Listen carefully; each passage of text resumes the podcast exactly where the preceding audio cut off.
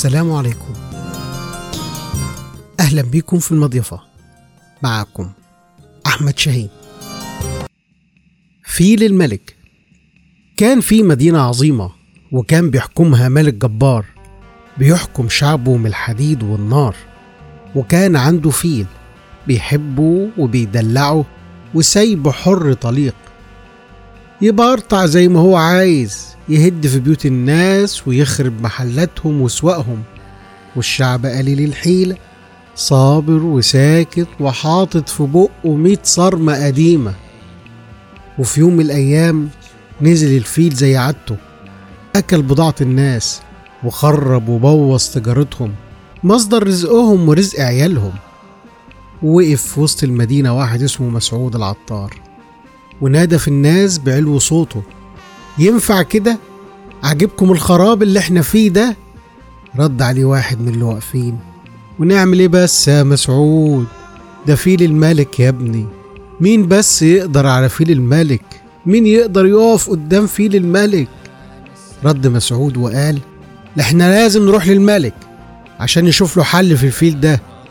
يربطه ولا يحبسه إحنا فاض بينا خلاص ومش هنستحمل أكتر من كده. لازم كلنا نكون ايد واحدة. رد الناس وإحنا وراك يا مسعود ومعاك. واتفقوا بكرة الصبح يلموا بعضهم ويطلعوا على الملك ومش هيرجعوا إلا لما يكون في حل في مشكلة الفيل. وفي الصبح اتجمعت الناس وكان قصر الملك على أطراف المدينة وكان عددهم كبير. وبدأت المسيرة لقصر الملك. وكان مسعود ماشي في المقدمة وأولهم والناس كلهم وراه وصل مسعود قدام قصر الملك وكان واقف كبير الحرس وبصوت عالي أنت مين؟ وجاي عايز إيه؟ رد يلا بسرعة. مسعود بص وراه ملقاش حد من الناس. الناس كلها خافت ورجعت وسابت مسعود لوحده. وهو في مشواره لقصر الملك.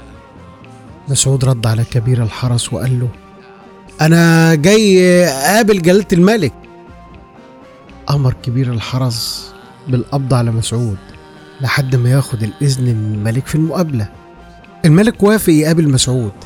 دخل مسعود على الملك وهو رجليه بتخبط في بعض وقال السلام عليكم أيها الملك العظيم.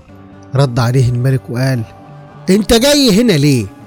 وكمان بتتجرأ وبتطلب مقابلتي؟ رد مسعود وقال أنا جاي هنا يا مولاي مندوب ومفوض من الشعب قابل جلالتك بخصوص الفيل. رد الملك وقال مندوب ومفوض من الشعب بخصوص الفيل بتاعي؟ ماله؟ الفيل بتاعي أنا ماله؟ رد مسعود بعد ما تمالك نفسه يا مولاي الشعب شايف إن فيل جلالتك مش مبسوط ودايما حزين فالشعب فكر في حل عظيم عشان يكون فيل جلالتك مبسوط وسعيد وفرحان. ففوضني آجي واقابل جلالتك وأقول لك إن الشعب اقترح إن الفيل يتجوز. وبيرفع لجلالتك الاقتراح ده.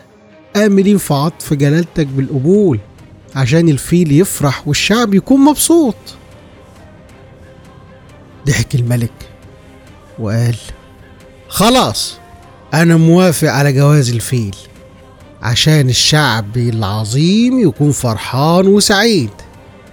بلع مسعود ريقه وخد نفس عميق وقال في نفسه كده بدل الفيل بقوا فيلين وبدل ما كانت مصيبة بقوا مصيبتين وطول ما الشعب خايف وساكت لسه الفيل هيخلف والفيلة تكتر والمصايب تكون كتير.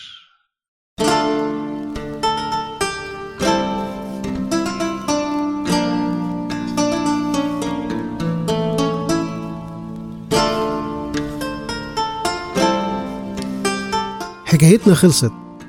مستنيكم الحكاية اللي جاية في المضيفة.